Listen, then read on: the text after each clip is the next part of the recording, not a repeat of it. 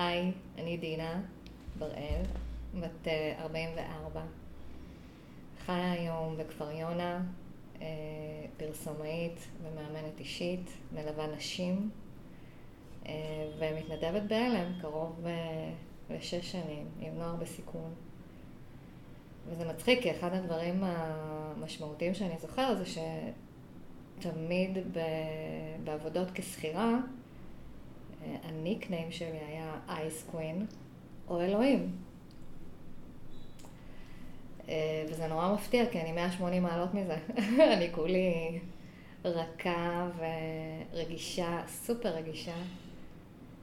ואני מאוד מאוד אוהבת את מה שאני עושה היום, שזה הכי חשוב. אה, והמקום של נוער בסיכון יקר לליבי, גם מהחיים. הייתי בעצמי נערה בסיכון, אה, וצעירה בסיכון. אה, והיום יש לי את הכלים שמאפשרים להעביר הלאה ולעשות טוב.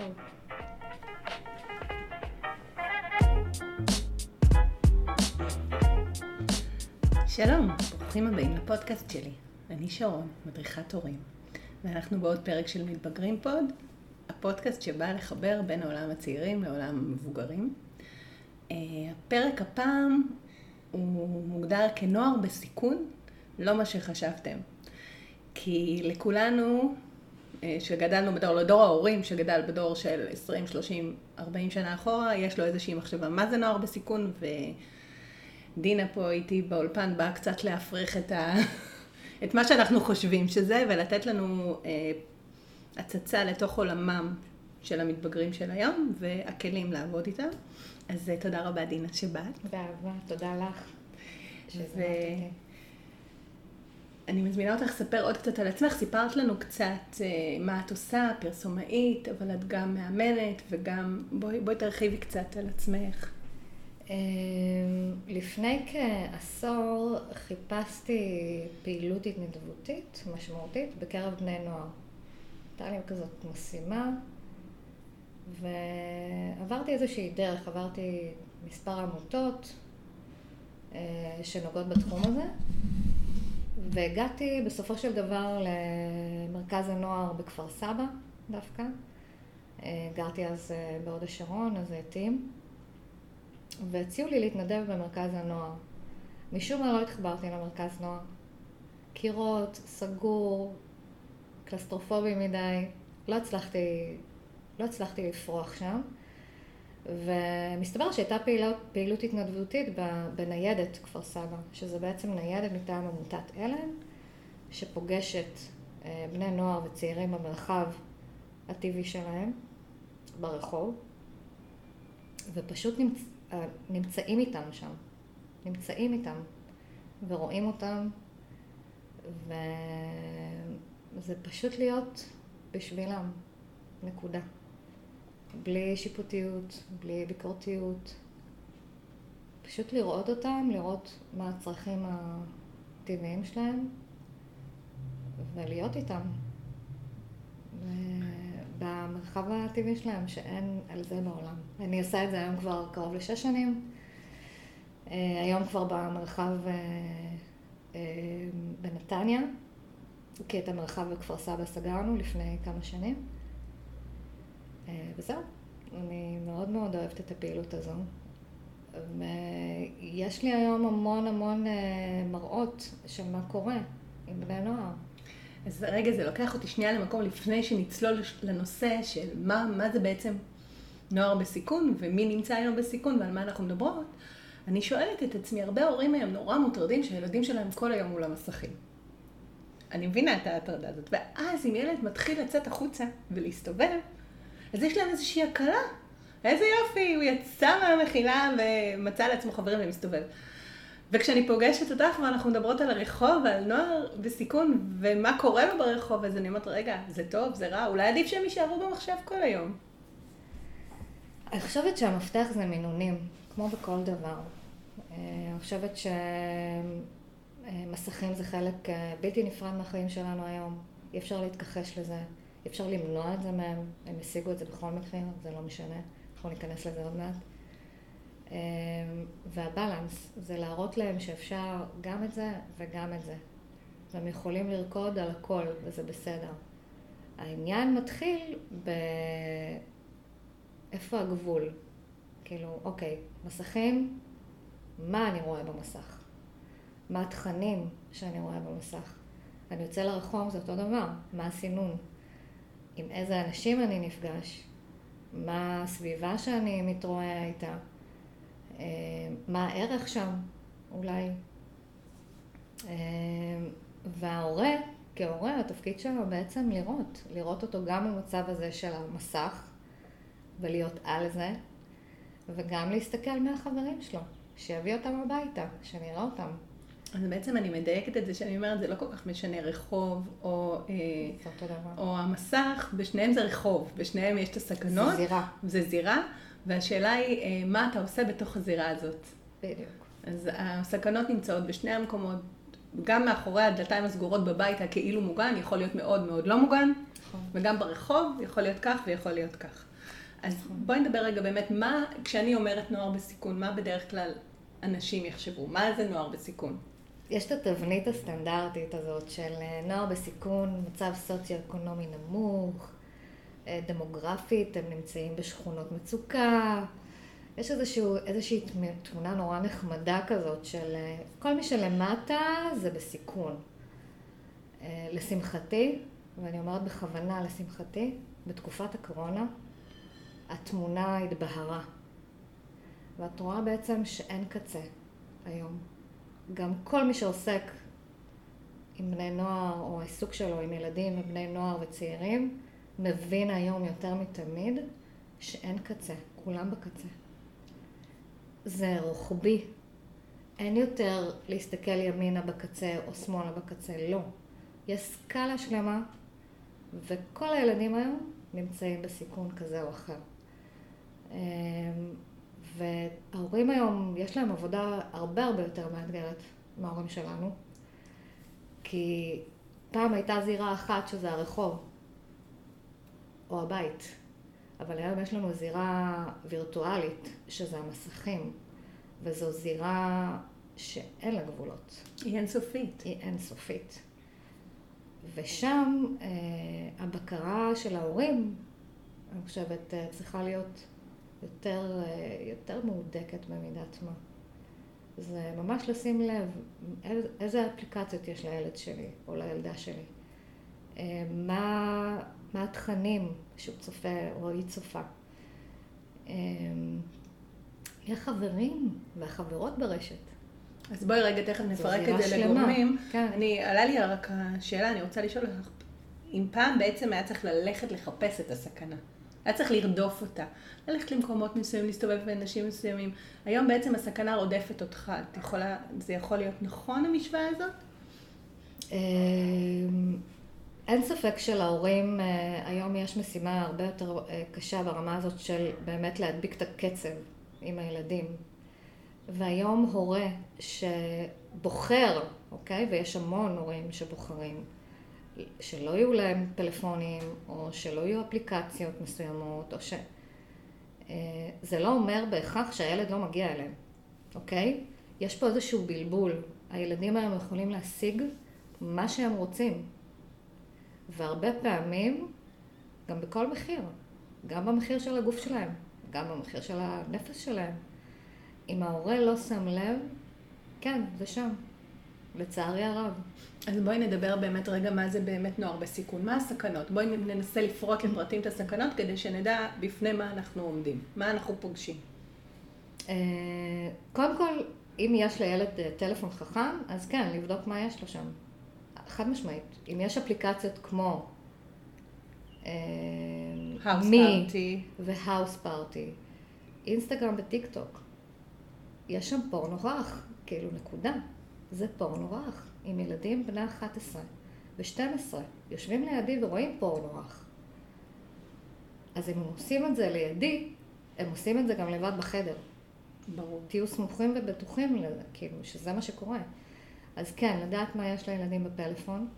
הרבה פעמים אה, אני מציעה להורים, יש, יש תוכנות מעקב. של לראות מה יש בתוך הפלאפון של הילד, וזה נורא חכם שיהיה את זה. אני כאן קצת, אה, אני חושבת שהורים צריכים, לפני תוכנות מעקב, זה לדבר עם הילדים, ולראות מה שהם רואים בשיחות שהן נטולות ביקורת, של באמת אה, שיחות של סקרנות. נכון. כי פורנו, הם רואים מגיל שמונה היום, נכון. הם יראו גם אם אנחנו רוצים וגם אם אנחנו לא רוצים שהם יראו. עדיף לי שהם יראו פורנו רך בטיקטוק מאשר שהם יראו פורנו קשה בפורנהאב, שגם לשם הם מגיעים. נכון. אז הדבר הכי חשוב בעיניי זה התיווך. לדבר על פורנו, לדבר מה הבעיות בפורנו, לספר, ולא הכל בבת אחת, לתת אינפוטים. אז התפקיד של ההורה בעיניי הוא לתווך. אני מאוד בעד אפליקציית מעקב אם הילד מוכן לשתף איתם פעולה. שהם, ודאי, אה, ודאי, ודאי, עם שיתוף מלא עם הילד, שיתוף מלא עם הילד, וגם להבהיר לילד שזה בעצם ממקום של דאגה, ממקום של אכפתיות, ממקום של אהבה. מוגנות. בדיוק, זה לראות את הילד. זה לראות את הילד והילדה. זה זה. לזו הכוונה. לא התכוונתי באופן הקר של זה. לא, ממש לא. לא דווקא לא לעשות את זה מאחורי הגב של הילד, חלילה, או... להפך, אני בעד שקיפות מלאה עם הילד. זה חשוב לי, כי הורים הרבה פעמים חושבים, הם לא יודעים כל כך איך לגשת לדבר הזה, וזה מפחיד אותם, ואז הם מעדיפים לעשות דברים בחדרי חדרים. זה לא התמיכה ההורית הנכונה, שתעזור. זה להפך, אתה מלמד את הילד הסתרות, אתה מלמד את שקרים. לשקר, בדיוק. לשקר, הם שקרנים ברמות הגבוהות ביותר, הם אלופים. אה, אז כן, לא, התכוונתי לשקיפות מלאה, כמובן, אה, זה, מבחינתי זה obvious היום, כן, אבל אה, טוב שאת אה, ככה שמת את האור על זה. אני המקום של ההורים, כן. שזה לא obvious. זה לא obvious, כן. אז, אה, אז כן, אז זה צריך להיות obvious, אוקיי? הנה כוכבית, זה צריך להיות obvious. ממש. שקיפות ממש. ואפשרות לדבר. אם נער או נערה ניגשים אליי ואומרים לי, דינה, איזה כיף לדבר איתך, זה כמו לדבר עם הורה ו... עם ההורה שלי, אבל את לא ההורה שלי. הם, הם צריכים את זה.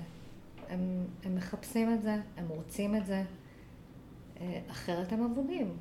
הם ממש אבודים. זה המקום, לבוא ולהיות uh, תומך ואוהב, וכל מה שהילד צריך. אז אנחנו מדברות בעצם על דבר אחד, שזה זה בעצם אחד הדברים המרכזיים, זה הרשתות. תראו רגע מה קורה אצלם, תנו להם, אם נגיד את אומרת אפליקציה כמו מי, אני מסתכלת על זה בעיניים של הורה ואומרת, נו מה, זה רק אומר לך, איך קוראים לך ב... כשאתה מתקשר למישהו. זה לא נראה לי כזאת אפליקציה אה, מאיימת. אבל יש בפנים המון דברים, אה, הם מייצרים קהילות פנימיות. ההורים היום צריכים להבין שהילדים הם מאוד מאוד מתוחכמים היום. אה, וכמו שיש זירות פיזיות, יש זירות וירטואליות, ולא בהכרח, וזה לא בהכרח נשאר בזירה המוכרת, או בסביבה המוכרת. הם יוצאים החוצה, ויש להם השפעות חיצוניות. וזה אומר אנשים מאירופה, אנשים מארצות הברית, אוסטרליה, יפן, סין, all over. אין לך שליטה באמת על זה. אם הנער או הנערה מתרועעים או מדברים או מתקשרים, לא באמת. וכאן הסיכון, לאן הם נחשפים שם. אם ילד בן 13 בקשר, נמצא בקשר עם גבר או אישה בני 30, איפה הוויסות כאן? כאילו, צריך לשים לב לדברים האלה. זה, זה לא סתם שיח. כן, כשאני אומרת כן לבדוק עם מי הנער או הנערה המסתובבים, זה זה, זה לא רק בזירה הפיזית, זה גם בזירה הווירטואלית. הפישינג נמצא שם כל הזמן. אני יכולה לעבור איתך גם לזירות הקשות יותר. כן, כן, בהחלט. אני מלווה היום שני צעירים, בני 20, צעירה וצעיר, ושניהם נמצא, עוסקים בזנות היום. בואי נתחיל איזה גיל. זהו, את, אני מלווה אותם מגיל 17 בערך. הכרתי אותם ברחוב בזירה בנתניה. ואיך שהתחילה הקורונה, לצערי, בעקבות הסגר הראשון, בעצם לא יכולנו לעשות את הפעילות שלנו להמשיך את הפעילות. בפעילות אה, הייתה לנו הפסקה של אה, כחודשיים, להערכתי, ניתוק. והמשכנו אמנם בזירה הווירטואלית, אבל זה עדיין לא אותו דבר. אה, והניתוק הזה יצר אצלם המון בלבול, קודם כל. אה, ושנית גם, אה, הקשר ניתק, בין אם בחרנו בזה או לא, זה קשר שהתנ... ש... שניתק ו... ולא היינו די חסרי אונים בסיטואציה הזו. נוצר מצב שהמון בני נוער וצעירים נחשפים לאתרים של שוגר מאמי ושוגר דדי. לשני אתרים זהו, אני אומרת, בואי תסבירי, כי אני תופסת את עצמי ממש מעורה, ולא היה לי מושג שיש ישויות כאלה אינטרנטיות, וברגע שאמרת לי, זה גם היה נראה לי כל כך ברור שזה יהיה. זה כל כך הולם את, את הצורך של הדור הזה. לגמרי. בואי תסבירי. מה שקורה בזירות האלה, של האתרים הללו, בעצם כל אחת וכל אחד יכול לפתוח בעצם פרופיל, כמו בעצם אה, בזירה של אה, אתרי היכרויות לצורך העניין. אותו דבר, את עושה לעצמך פרופיל, את מזינה את הפרטים שאת בוחרת כמובן, איך להציג ומה להציג, ויש מחיר לכל דבר. יש תג מחיר לכל דבר. מה אתה זה? רוצה לראות תמונה שלי בעירום חלקי, יש לזה מחיר. אתה רוצה לראות אותי בעירום מלא, יש לזה מחיר. אה, אתה רוצה להישאר בקשר איתי לאורך זמן, יש לזה מחיר. אתה רוצה להיפגש איתי, יש לזה מחיר. אוקיי? כל דבר בעצם יש לו תג מחיר. זה אומר שכל דבר, גם אם הוא רגשי וגם אם הוא אינטימי, מתומחר. וההשלכות של זה הן השלכות מאוד מאוד רציניות. בכל כך הרבה רמות. זה גם באמת, זה כאילו בכל כך הרבה רמות. יש את הרמה הכי יומיומית שזה באמת זנות בכל דבר ועניין. אני מוכר את השירותים שלי, והשירותים שלי זה בעצם אני, אבל פיזית, הגוף שלי, הזמן שלי, ואז כאילו באמת הרמה של הניתוק הרגשי, והאם באמת לכל דבר יש מחיר, וכמה אני עולה, ו- ואם אני, גם בעניין של הדימוי העצמי, כאילו יש כאלה שעולים יותר וכאלה שעולים פחות, ומה אני משיג, זה גם הופך להיות איזושהי, אם אני מסתכלת על זה בעולם של מתבגרים, זה כמה אני יכול להשיג.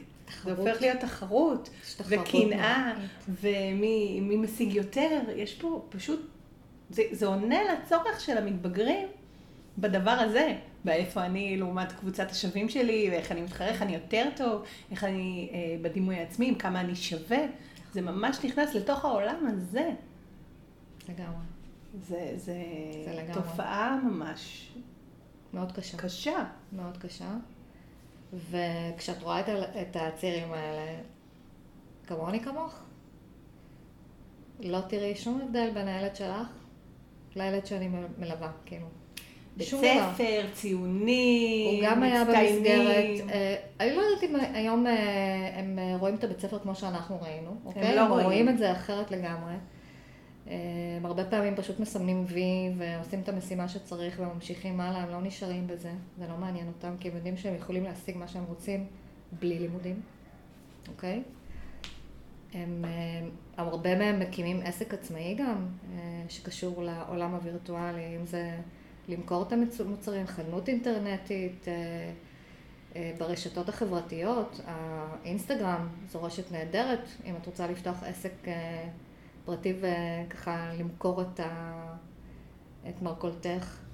תיכנסי אה, לקבוצה השכונתית שלי. מוכרת נערה צעירה עוגיות, אחת אחרת מוכרת חלות. אה, זה מדהים, יש מיליון מיליון אה, נכון. עסקים של צעירים, שלכל אחד מהם יש עמוד מדוגם באינסטגרם. אבל זה אני אומרת, זה עסקים light. יש כמובן את כל המובילי רשת, כולם רוצים להיות יוטיוברים אה, מובילים, מצליחים, הם כולם רוצים להיות סלבס, מפורסמים. אין, אני לא חושבת שאני פגשתי נער אחד שלא רוצה להיות מפורסם, כן. לייטלי, אבל את אומרת שיש גם עסקים שהם בתחום האפור יותר. ברור. אה, כמו שהם אה, סוחרים בשירותים שלהם, כמו שאת ציינת קודם, אז הם סוחרים גם בדברים יותר מסוכנים. לצורך העניין, אם צריך נשק ואם צריך סמים, איזה סמים שאת רוצה. הרבה פעמים אני יושבת איתם והם יכולים להציע לך את כל מה שאת רוצה, רק תגידי מה את רוצה. אני מביא לך, אני מארגן לך, הכל טוב. אה, גם אם את רוצה לדעת מה המרכיבים של אותו סם, הם יגידו לך גם מה המרכיבים בכל סם. הם פשוט מבריקים. אה, אז כן, זה עובר אה, גם במקומות האלה. ובני, יש את כל מה שקשור לבריונות. אז יש גם את, יש שרשרת, כמו בכל מקום. כלומר? יש את הבוס הגדול, שמנהל, שהוא בדרך כלל בן 16-17, ויש לו ילדים, בני 12-13, שעושים את העבודה. שהם בפועל סוחרים בשביל... זאת אומרת, בני אור זה לא דמיוני. לא, לא, ממש לא. זה לא, זה זה לא לא דמיוני. רחוק מהמציאות. לא רחוק מהמציאות. מאוד מאוד דומה. אה, הם אפילו יותר אה, מתוחכמים היום. בזכות אה, האופניים החשמליים, ובזכות אה, הניידות הזמינה להם. יש להם וטלגרם. כלים יותר יקרים מהרכב שלי, אוקיי? כן. אה, אומרים? וההורים מספקים להם את זה, כן? עסק מהנייד. עסק, יש לי עסק מהנייד, זה, אני רואה את זה גם אנשים מבוגרים נורא מתלהבים, יש לי עסק מהנייד, אז גם להם יש עסק מהנייד, לגמרי. העולם בכף ידם, מה שנקרא. לגמרי. ויש להם את היכולות הטכניות להסתגל לעולם הזה, להבין אותו על בוריו ולדעת מה, לזהות צרכים, לזהות כיוונים, כל מיני דברים מאוד טובים, שבעצם לוקחים אותם למקומות מאוד רעים. זה ה... כי ילד בן אה, 14 או 15 לא יכול לעבוד היום בחנות. לא ייקחו אותו לחנות. אז כן, הוא יעבוד אצל אה, ילד בן 17 ששוכר ומביא לו כסף. הם צריכים את הכסף הרי. זה מה שהם רוצים לקנות דברים שהם רוצים. אז בואי נעבור לדברים שהם רוצים. מה ילדים היום רוצים?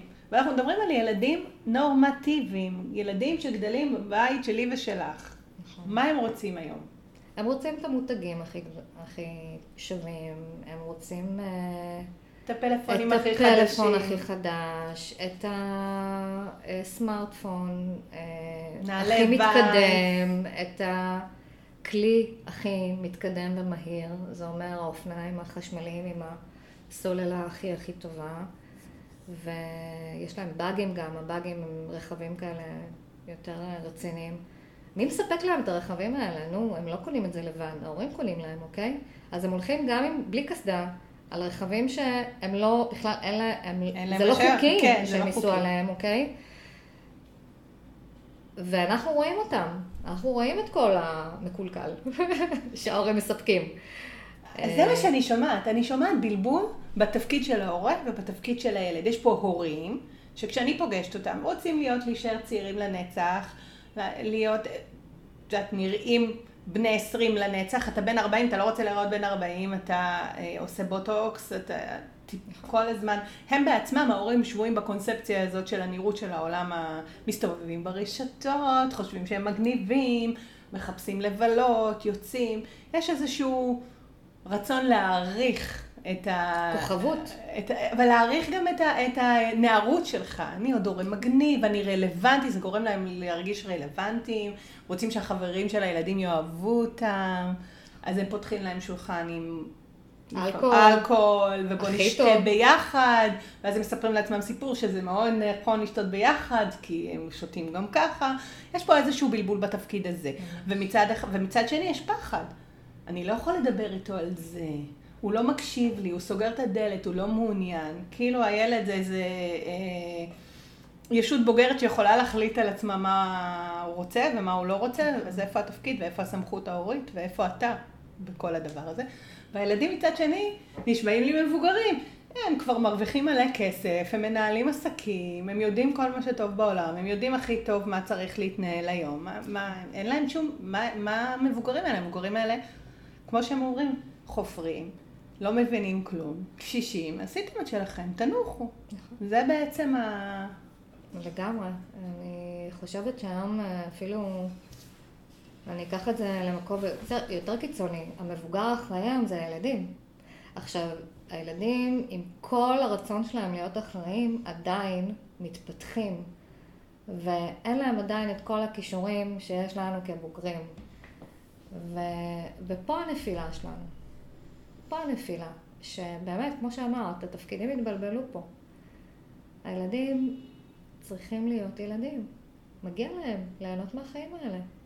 למה? למה שתהיה לו אחריות להביא כסף הביתה, או לחשוב שההורים שלו לא נותנים לו, אז אני אשיג לבד. אמ, או סתם לקנות את החולצה של, כמו שאמרת, ואנס. כאילו, למה הילד צריך לחשוב בכלל שהוא צריך לעשות את זה ואת זה ואת זה ואת זה כדי להשיג את החולצה הזאת? בואו בוא נבין קודם כל למה הוא מרגיש צורך לחולצה הזאת. כאילו, בואו ננסה להבין מאיזה מקום זה מגיע, הרי זה מגיע מחוסר. מה החוסרים שם? ילדים לא סתם מגיעים ממותגים. בואו נדגיש את זה שאנחנו מדברות, זה לא חוסר כספי. לא, לא, לא. שיהיה ברור, זה לא חוסר כספי. אני מדברת על חסכים רגשיים. לא, לא, לא. לא, לא, אנחנו באמת התבלבלנו. התבלבלנו. אני חושבת שהערכים הרגשיים... הנה, עכשיו אנחנו מדברות, ואני חושבת שזה החוסר, זה התסכול. זאת אומרת, אם אני הורה ואני רוצה לחנך את הילד שלי, ואני אומר לו, תקשיב, אני לא קונה לך כרגע את החולצה של ואן, זה לא כי אין לי כסף, אני פשוט מסבירה לו את המניעים שלי, אני חושבת שזה לא נכון. במחיר הזה אני יכולה לקנות לך ארבע חולצות. אתה רוצה, תחסוך, תקנה לך מה שאתה רוצה. תחסוך מ... לא מ... אבל יש פה תיווך, ואני מדברת, נכון. ואני, ואני דואגת שהוא יהיה מרוצה בשדות אחרים, ושתהיה בינינו תקשורת טובה, והוא יקבל ממני את הדברים שהוא צריך. אז יש לו יכולת להכיל את התסכול הזה. נכון. אבל מכיוון שהילדים האלה גדלים בזה שאנחנו רוב הזמן, בהרבה מאוד בתים, התסכולים שלהם נענים בכסף. זאת אומרת, בדברים חומריים, ואנחנו לא רוצים שהם יהיו לא מאושרים, ולכולם יש, אז אנחנו קונים להם את מה שהם רוצים. קצת, קצת יתווכחו איתנו, הם יקבלו. ואז אם הם אנחנו עומדים על הרגליים האחוריות ופתאום לא קונים להם משהו, הם, יחפש, הם יגידו כל האמצעים כשרים, כי נכון. זה הסיפור, זה, זה תסכול. אני חושבת שזה תסכול גם של ההורים שאין להם כלים להתמודד עם הילדים, או עם מה שקורה, כי הקצב הוא מאוד מאוד מהיר. מאוד מהיר. מי שלא נמצא איתם לא מבין עד כמה זה מהיר. אוקיי? אז קודם כל, תכירו את הילדים שלכם. בואו נתחיל מזה. תכירו את הקצב שלהם, תכירו את העולם שלהם, יש להם עולם מרתק.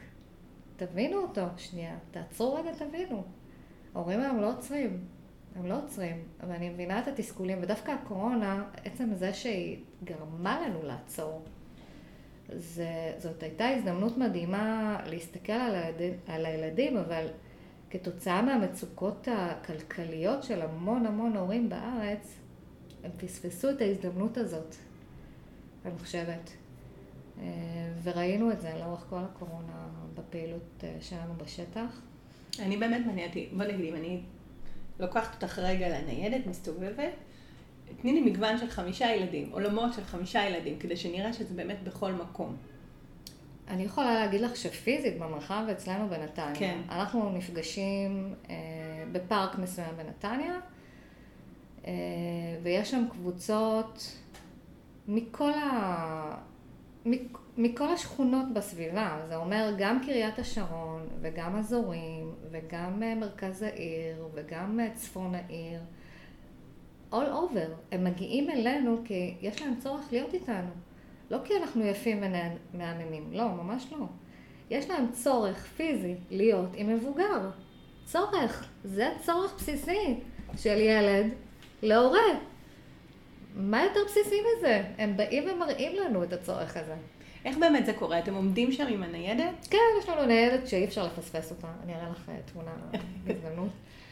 אמ, של העמותה, עם ציוד, יש לנו משחקי חברה בפנים, ושתייה חמה, ושתייה קרה, והרבה פעמים אה, מנות חמות בחורף, ושמיכות חמות בחורף, ואם אין להם ציוד חם, או משהו כזה, אנחנו מארגנים להם ציוד חם, אם זה מעילים, אם יש צורך כזה או משהו כזה. אמ,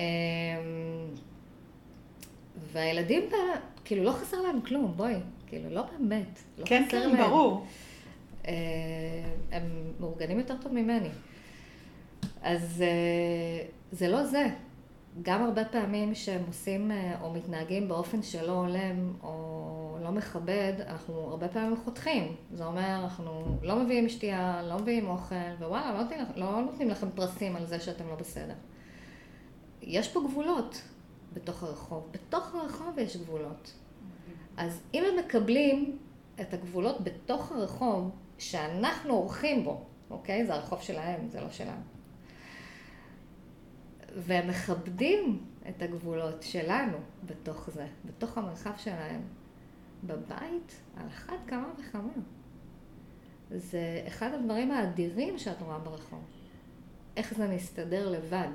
את אפילו לא, את לא עושה שום דבר, את פשוט נמצאת, את, את נמצאת, את שם. וזהו. הם, השייכות הזאת, האהבה, זה נגמר ומתחיל בשייכות ואהבה.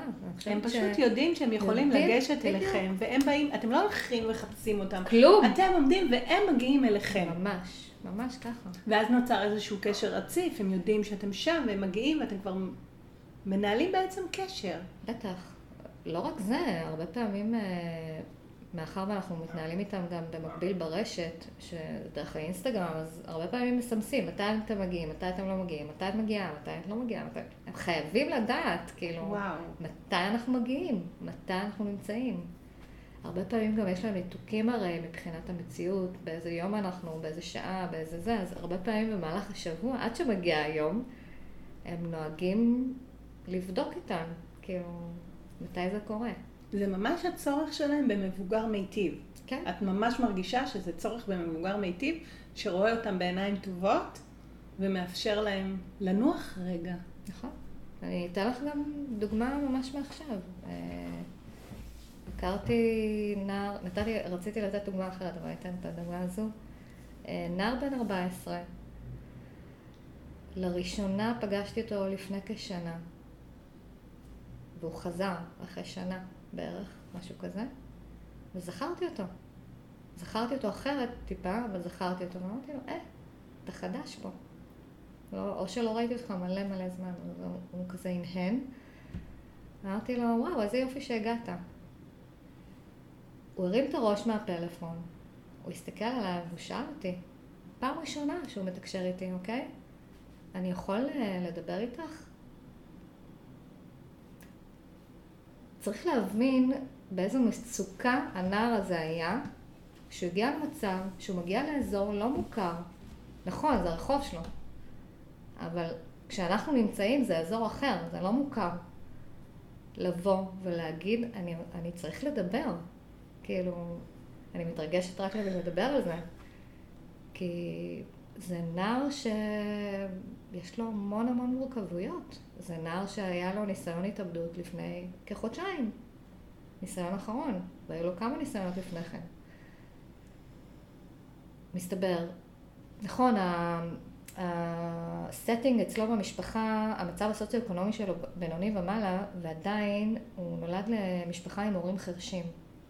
שיש שם איזושהי מורכבות אחרת ברמת התקשורת הבסיסית. זה גם הרבה פעמים, אבל אה, ילד שהוא מבוגר. נכון. ילד שעוזר לה, זה, זה הסיפור. זה בדיוק זה. והוא נורא מפחד להעיק עליהם, או תמיד, זה בדיוק זה, זה המבוגר, לקחת אחריות, לא, לא, כמה שרע לו, אבל לא להכביד על ההורים שלו. אז, אז כן, הם צריכים. הם צריכים מאוד שיראו אותם, הם צריכים מאוד לתקשר. זה צורך בסיסי של בני אדם,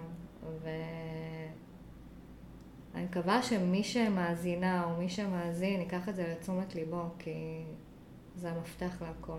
פשוט לתקשר. כל, כל, ככל שאנחנו מדברות, אני חושבת על הדברים גם, ואני אומרת לעצמי, כל הזמן מדברים על זה שזה דור מנוכר רגשית, אני לא חושבת. הוא דור לא מנוכר, הוא פשוט דור שלא יודע לתקשר רגשית, אבל הוא זקוק לזה, ולכן כשמציגים לו את זה אצלכם, נגיד שיש מקום חם שמקבל ומאפשר, ו- ועוד פעם נותן לגיטימציה למי שאתה, ולא ביקורתי, ולא מצפה ממנו לשום דבר, בלי ציפיות, נטול ציפיות, מלבד לעמוד בגבולות שאתם שרטטתם, שזה הגיוני.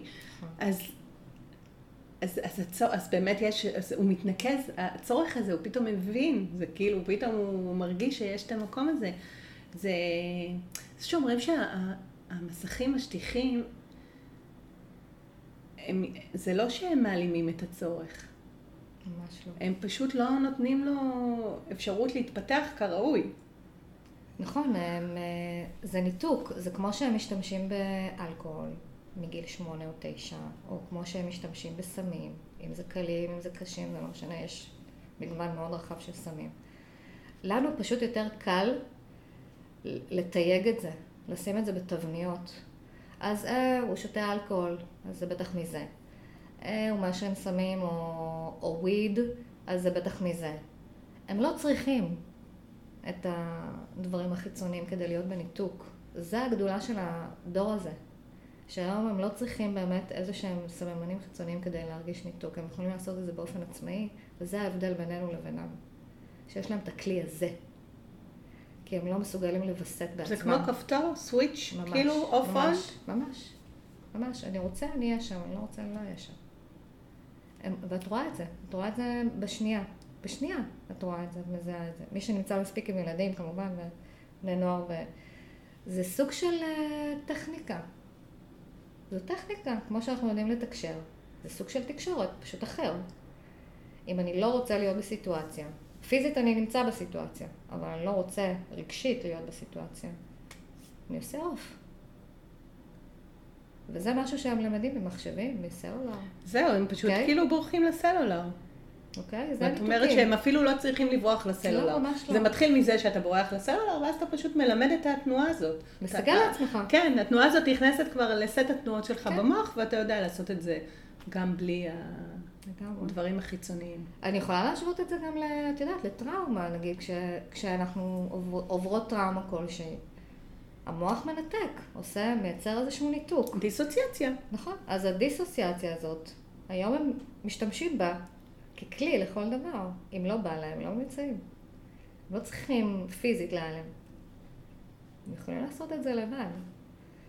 אה, אז אה, זה הרבה, הרבה פעמים פשוט אה, מנתק אותם מסיטואציות שהן אה, לא נעימות להם נגיד, או סיטואציות אה, על אה, תכנים שהם אה, מאתגרים אותם אולי. מה למשל? אה, אפילו סתם שיח על אימא ואבא, לצורך העניין. אם לילד הזה אין קשר עם אימא ואבא, אז כן, יהיה לו קשה לדבר, והוא תוך שנייה נעלם. כאילו לא, הוא, הוא יפסיק לתקשר. ולשמחתי, אחד הדברים, אחת הגדולות ברחוב זה באמת לכבד, כאילו, ולשחרר. הוא יבוא מתי שהוא ירצה. שזה גם בסדר. והם באים לבד. הם, לפעמים הצורך כל כך מציף אותם, אני מאחלת להם לא להגיע לסיטואציות האלה, כן, אבל אה, לפעמים זה כל כך מציף אותם שהם לא שולטים בזה, וגם שם המבוגר האחראי צריך גם לעצור אותם ולהגיד, אוקיי, אתה יכול לספר, ויכולה לספר מה שאת אה, בוחרת, ואת יכולה גם לא לספר שום דבר, זה בסדר. את לא חייבת, אני, אני פה איתך, לא משנה מה.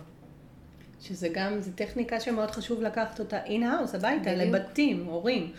זה לא באמת משנה, הורים נורא קשה להם שהילדים שלהם מפסיקים לשתף אותם, הם מגיעים לגיל התבגרות ואז הם משאירים אותם בחוץ, אבל עצם הנוכחות נכון. היא, היא החשובה, זה לא כל כך משנה אם הוא משתף, הוא יבחר, אולי כן, אולי לא, וברגע שהוא ירגיש באמת בטוח במקום שלו, שלא אה, מחייבים אותו לעשות דברים שלא נעימים לו, שמקבלים אותו כמו שהוא, גם אם הוא לא משתף, אז יהיה לו באמת מרחב, זה בעצם לייצר מרחב בטוח. נכון. של לסמוך. כן.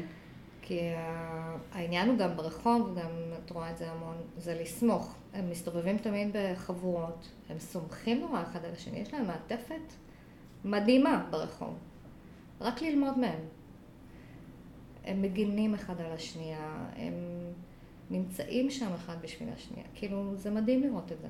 הם, הם באמת כאילו לויאליים זה לזה. אה, והם צריכים את זה גם בבית, כן, שיהיה להם ערוץ תקשורת ולדעת שכשהם צריכים, או כשהם רוצים, או כשבאמת אה, הם נזקקים למשהו, אז יש להם ערוץ פתוח עם אימא ואבא, או אם אחד ההורים לא נמצא, או סבא וסבתא לפעמים, לא משנה, מבוגר אחראי שנמצא, אח גדול, הם יודעים שיש ערוץ פתוח. ברגע שהם יודעים שלא. הם גם יהיו פחות נוכחים. זאת אומרת, ברגע שזה בית שאין בו ערוצים פתוחים, אז המבט הוא באמת יהיה כל הזמן החוצה. החוצה. אני אחפש החוצה איפה יהיה מי שייתן לי, איפה חברת השווים שתיתן לי את זה, איפה אנשים אחרים שאני מכיר, ואתם לא יודעים את מי הם יפגשו. יהיו כאלה שיפגשו... אה, את הטרנזיט של הלם, ויהיו כאלה שיפגשו אנשים אחרים שלא מעוניינים בטובתם של הילדים שלכם. הם בעצם מחפשים את כל הדברים האלה בחוץ, את מי ייתן להם מענה לצרכים שלהם. אז אם אני עוד פעם כאילו שמה כוכבית, אז אם היה לנו תסכול והתמודדות עם תסכולים, אז יש לנו גם עניין של אה, צרכים, מענה לצרכים. מה הם הצרכים שהם צריכים. נכון. דיברנו על חסרים, על חוסרים, למה חסרים. הוא הולך באופן הזה, או למה יש לו את הרכב הזה, או למה יש לו את הכלי הזה. אז כן, זה זה. חסר לי x, y, z, ואני לובש את זה. אני הולך עם זה, אוקיי? ואני אמצא מי שייתן לי את זה, אם בבית לא נותנים לי את זה. נכון. ומי שייתן לי את זה אולי ירצה ממני דברים בתמורה. נכון. שזה יכול להיות אוסף של דברים. לגמרי. לא, לא באמת, אה, לא באמת יודעים. הם גם... יש, גם לוקח זמן, כאילו, בתהליכים מהסוג הזה, לקלף המון שקרים. אז אה, יש להם המון דמיונות, המון סיפורים. הם אוהבים לספר סיפורים. אז בתוך כל הסיפורים האלה, לזהות מה אמיתי ומה לא, גם שם יש המון מקומות uh, של עבודה. כי ככל שמקלפים יותר, מבינים איפה כואב יותר, וברגע שיש את המעטפת בתוך הבית, אז אין, אין את הדברים האלה, או פחות, הרבה פחות. עבודה בחסכים האלה. אז אה, קודם כל אני באמת, באמת מאחלת לכל ההורים שיתחילו לראות את הילדים שלהם, כי יש להם ילדים מהממים. אני איתך.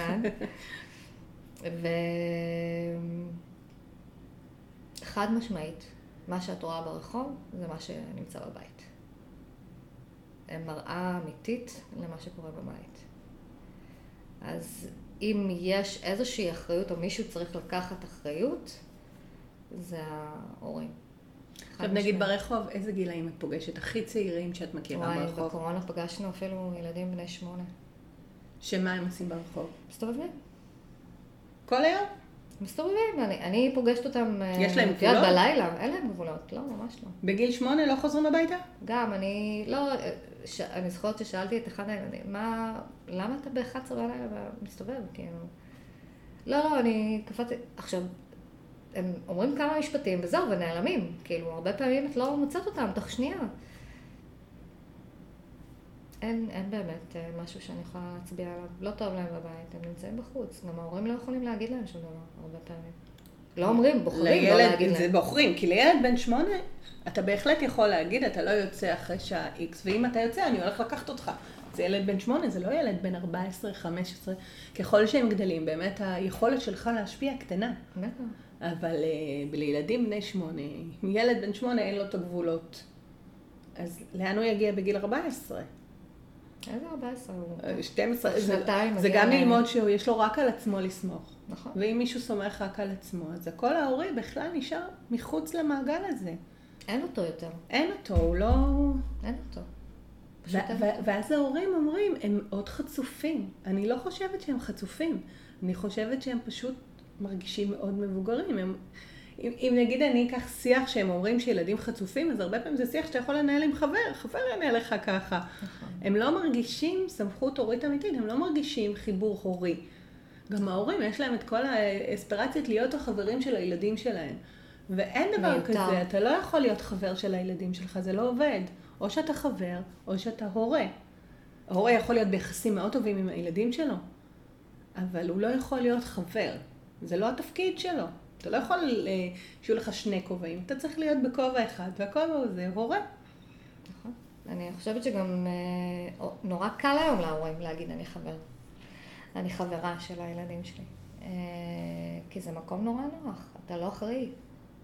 אתה לא אחראי. נכון. בשנייה שאתה מגדיר את עצמך כחבר, אתה מסיר מעצמך אחריות.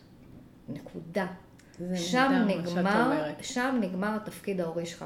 בעיני עצמך קודם כל, ואז אתה משקף את זה לילד שלך או לילדה שלך, והם מקבלים את זה יופי.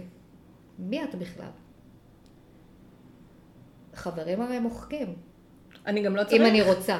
אני גם לא צריך אותך בתור חבר. יש לי חברים בגיל שלי, שמדברים את השפה שלי ואת החוויות שלי. אתה לא עובר את החוויות שלי. נכון. אתה לא קבוצת השווים שלי, אז מי אתה? מה התפקיד שלך בחיים שלי? נכון. כי חבר אתה לא יכול להיות, זה לא מתאים. ואם אתה כן, ואם כן הילד מקבל אותך כחבר, אז קח בחשבון שיכול לקחת כחבר כל בן אדם בגיל 40-50. אז אתה רוצה שיהיו לו חברים בני 40, 30? הילד שלך בן 14? יש פה חוסר הלימה של התפקידים. עוד פעם, אנחנו חוזרות הבלבול, לשם. זה הבלבול. זה- זה... זה עצם זה שקודם כל ההורים מגדירים את עצמם כחברים, זה בלבול אחד. זה בלבול, אני קוראת לזה בלבול כי אני לא מכירה את הבלבול הזה מהדור שלי, נכון. אוקיי? סבים וסבתות היה להם תפקיד, לאמא ואבא היה תפקיד, יש תפקיד, עד היום. אמ, היום, כמו שאת אומרת, הורים דורכים על ביצים ליד הילדים, שזה נוראי. זה אומר שאתם בוחרים ללכת בין הטיפות ולא להסתכל עליהם בכלל. בזמן שאתם נזהרים, אתם לא רואים את הילד שלכם, כאילו. אתם לא רואים, לא מסתכלים עליו, כי אתם נזהרים. כן, אתם עסוקים בלהיזהר כל הזמן. הפרק הקודם שעשיתי על למה אנחנו מפחדים לדבר עם הילדים שלנו. וזה, ו- וזה היה רצף הסיבות מבפנים, שבגללם אנחנו לא מעוניינים לדבר עם הילדים שלנו. ואחת מהסיבות המרכזיות זה המראה שהם שמים לנו בפנים. שאנחנו לא, לא נעים לנו לשמוע את הדברים שיש להם להגיד. ואז אנחנו מראש פשוט מעדיפים לא. נזק בלתי הפיך. וזה גם היכולת שלנו כמבוגר לקבל באמת מראה, לשמוע מה התפקוד שלך, איך, איך תדע, כאילו איך תדע. הרבה פעמים שואלים אותי, כאילו, מה, אני לא יודע מה הילד חושב על איקס, אז תשאל.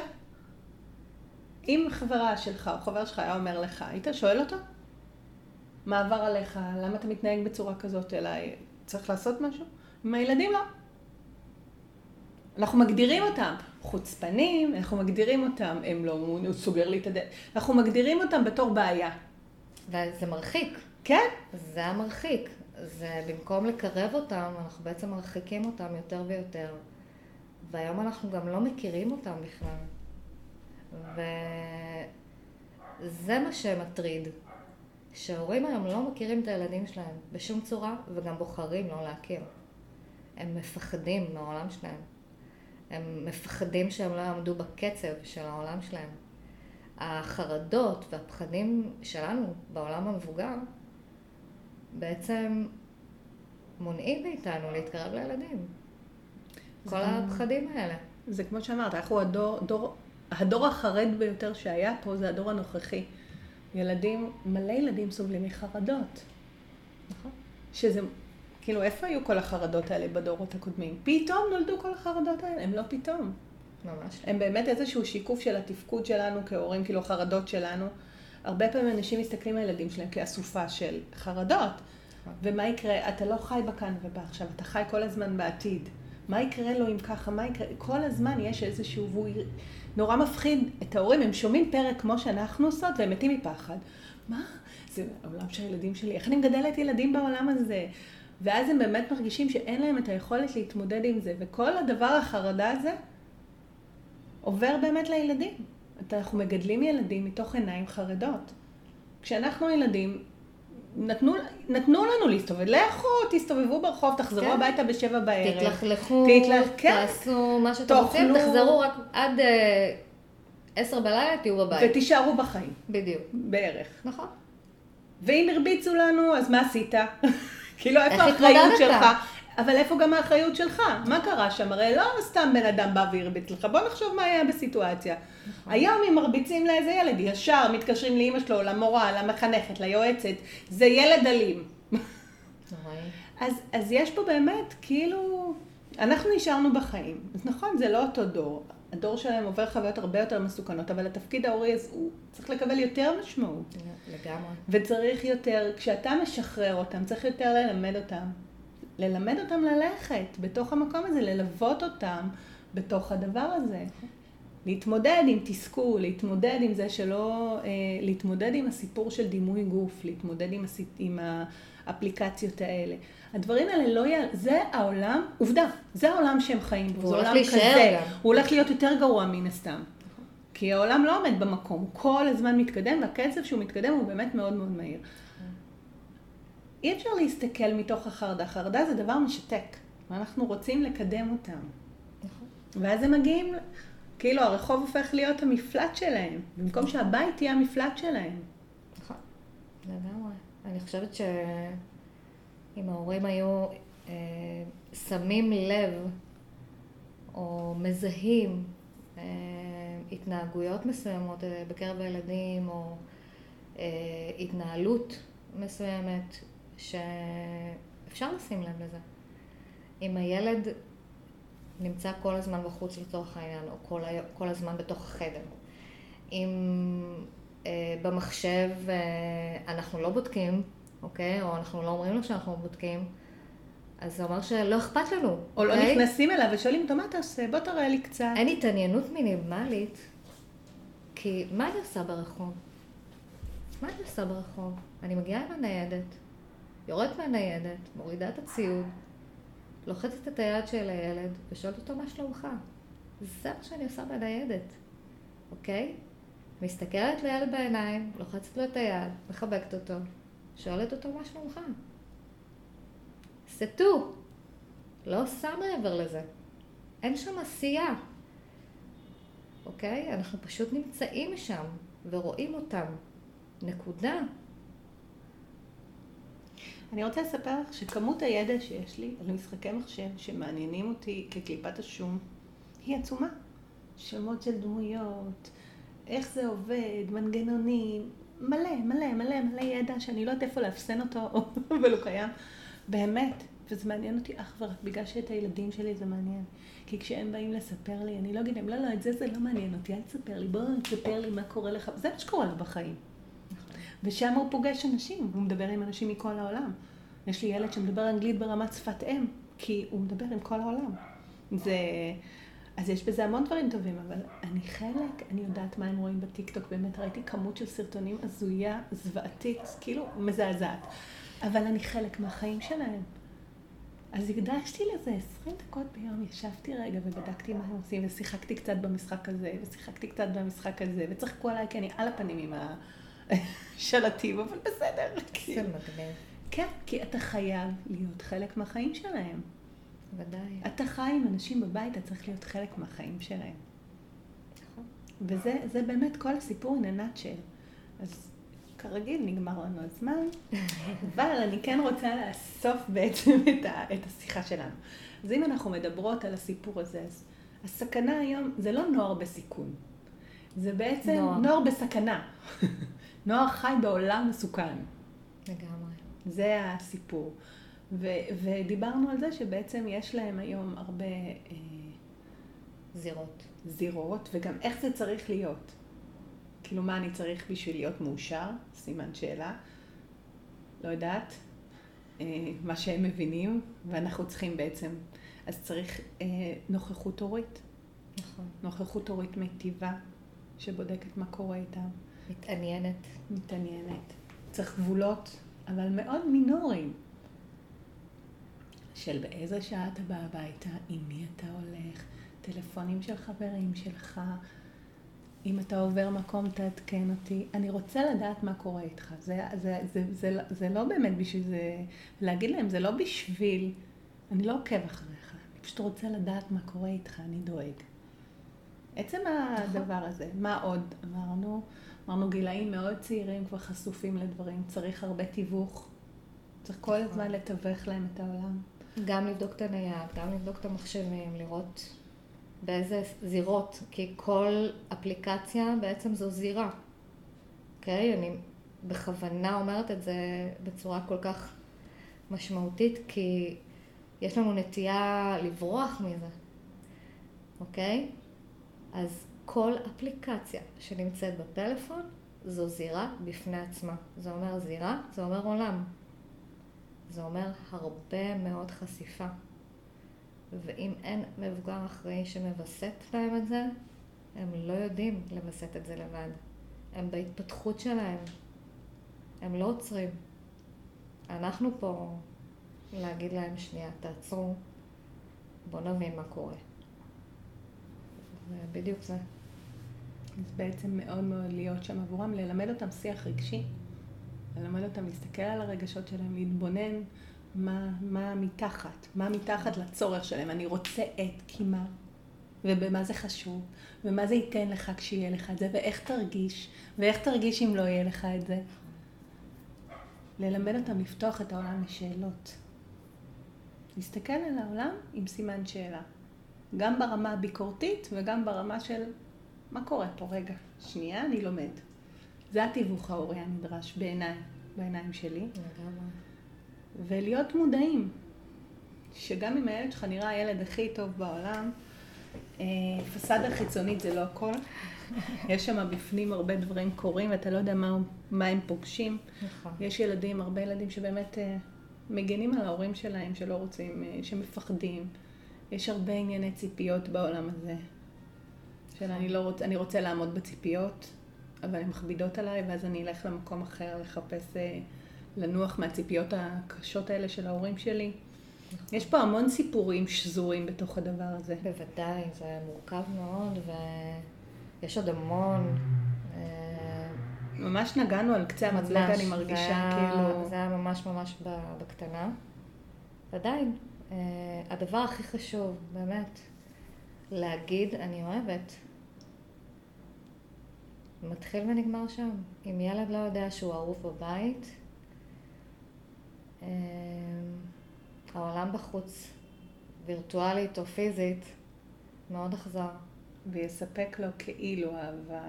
הוא לא ימצא אהבה, הוא ימצא הרבה דברים אותה. שיחפו על זה, כן. אבל הוא ימשיך, בעצם מה שאת אומרת, אם אתה לא מרגיש אהוב, אתה כל הזמן תחפש את האהבה הזאת. בחוץ. חיפוש מתמיד. לגמרי. אוי, אני לא יודעת איך אני יוצאת מהשיחה הזאת. כאילו אני יוצאת מלאה ב... כאילו, אני חושבת שנורא חשוב להביא את הנושאים האלה, אבל אני יודעת שזה זה מורכב לחשוב שהילדים שלנו גדלים בעולם כזה. יחד עם זאת, אני יכולה להגיד לך אה, שהם סופר אינטליגנטים, סופר מבריקים, סופר רגישים ורגישות. ויש בהם כל כך הרבה אהבה וכל כך הרבה נתינה. אה, אני הרבה פעמים מוצאת את עצמי מלאת השראה רק מהם, מעצם היותי איתם. כי זה עולם באמת מורכב וקשה, הוא לא כזה פשוט. ובחוץ גם אין חוקים, בסדר? אין חוקים. והם לומדים לחיות שם, די, ולהסתדר, ומגניב לראות את זה. אז יש לנו דור מהמם. אני חושבת שאם רק נשים אליהם לב, זה- זה עכשיו- עושה הכל. עכשיו כאילו התמלאתי, כי אני, אני גם, אני מאוד אוהבת את המתבגרים שאני פוגשת, ואני חושבת שזה דור מדהים. מדהים. לגמרי. אה, תנו להם קרדיט, מה? לתת להם טיפה קרדיט. הם יודעים בדיוק תראו את מה- הדברים. תסתכלו עליהם במשקפיים ורודים, כי יש להם מלא דברים, ותאירו להם את זה. נכון, זה, ה... נכון. זה אולי השורה התחתונה שלנו. ולסיום סיומת, שאלת ה... השאלה הסוגרת שלי תמיד, איפה... את כל הדבר הטוב הזה שאת מביאה, מה את עושה איתו בעשר שנים הקרובות? אז יש לי חלום קטן נוסף. יש לי כמה חלומות, אבל אחד מהם שהוא נורא משמעותי, וחשבתי עליו ממש לאחרונה, אה, זה שיהיה לי בית לנערות, ובית פתוח לנערות. אה, כי אני חושבת שמגיע להן. מגיע להן יותר כלים בעולם הגברי הזה, הרבה יותר אה, אה, אהבה. וזה גם בא מהמקום האישי שלי, שלא מצאתי מענים כשהייתי נערה. זאת אומרת, זה מה שהייתי רוצה, כשאני הייתי נערה, זה מה שהייתי זה רוצה רוצה שיהיה לי. כן. אז כאילו ממש יודעת איך את רוצה שזה יהיה בנוי וייראה וירגיש. כן, ויש לי כבר משקיעים אם אני רוצה, אבל כן. אני בונה את זה, אני מקווה שזה יקרה פחות מעשר שנים. אני בטוחה שזה יקרה פחות מעשר שנים. יש לך כן. חלום ויש לך כאילו את כל הידע והכלים לעשות אותו, אין לי ספק כן. שזה ממש ממש בקרוב אצלנו. תודה, תודה רבה. אז תודה רבה לך שבאת והשקעת מזמנך ונתת לנו תמונה חמוצה. מתוקה, מציאותית, אבל כאילו כואבת, אבל עם תקווה. בטח. ו... אפשר, אפשר לשנות ואפשר לעשות דברים מופלאים.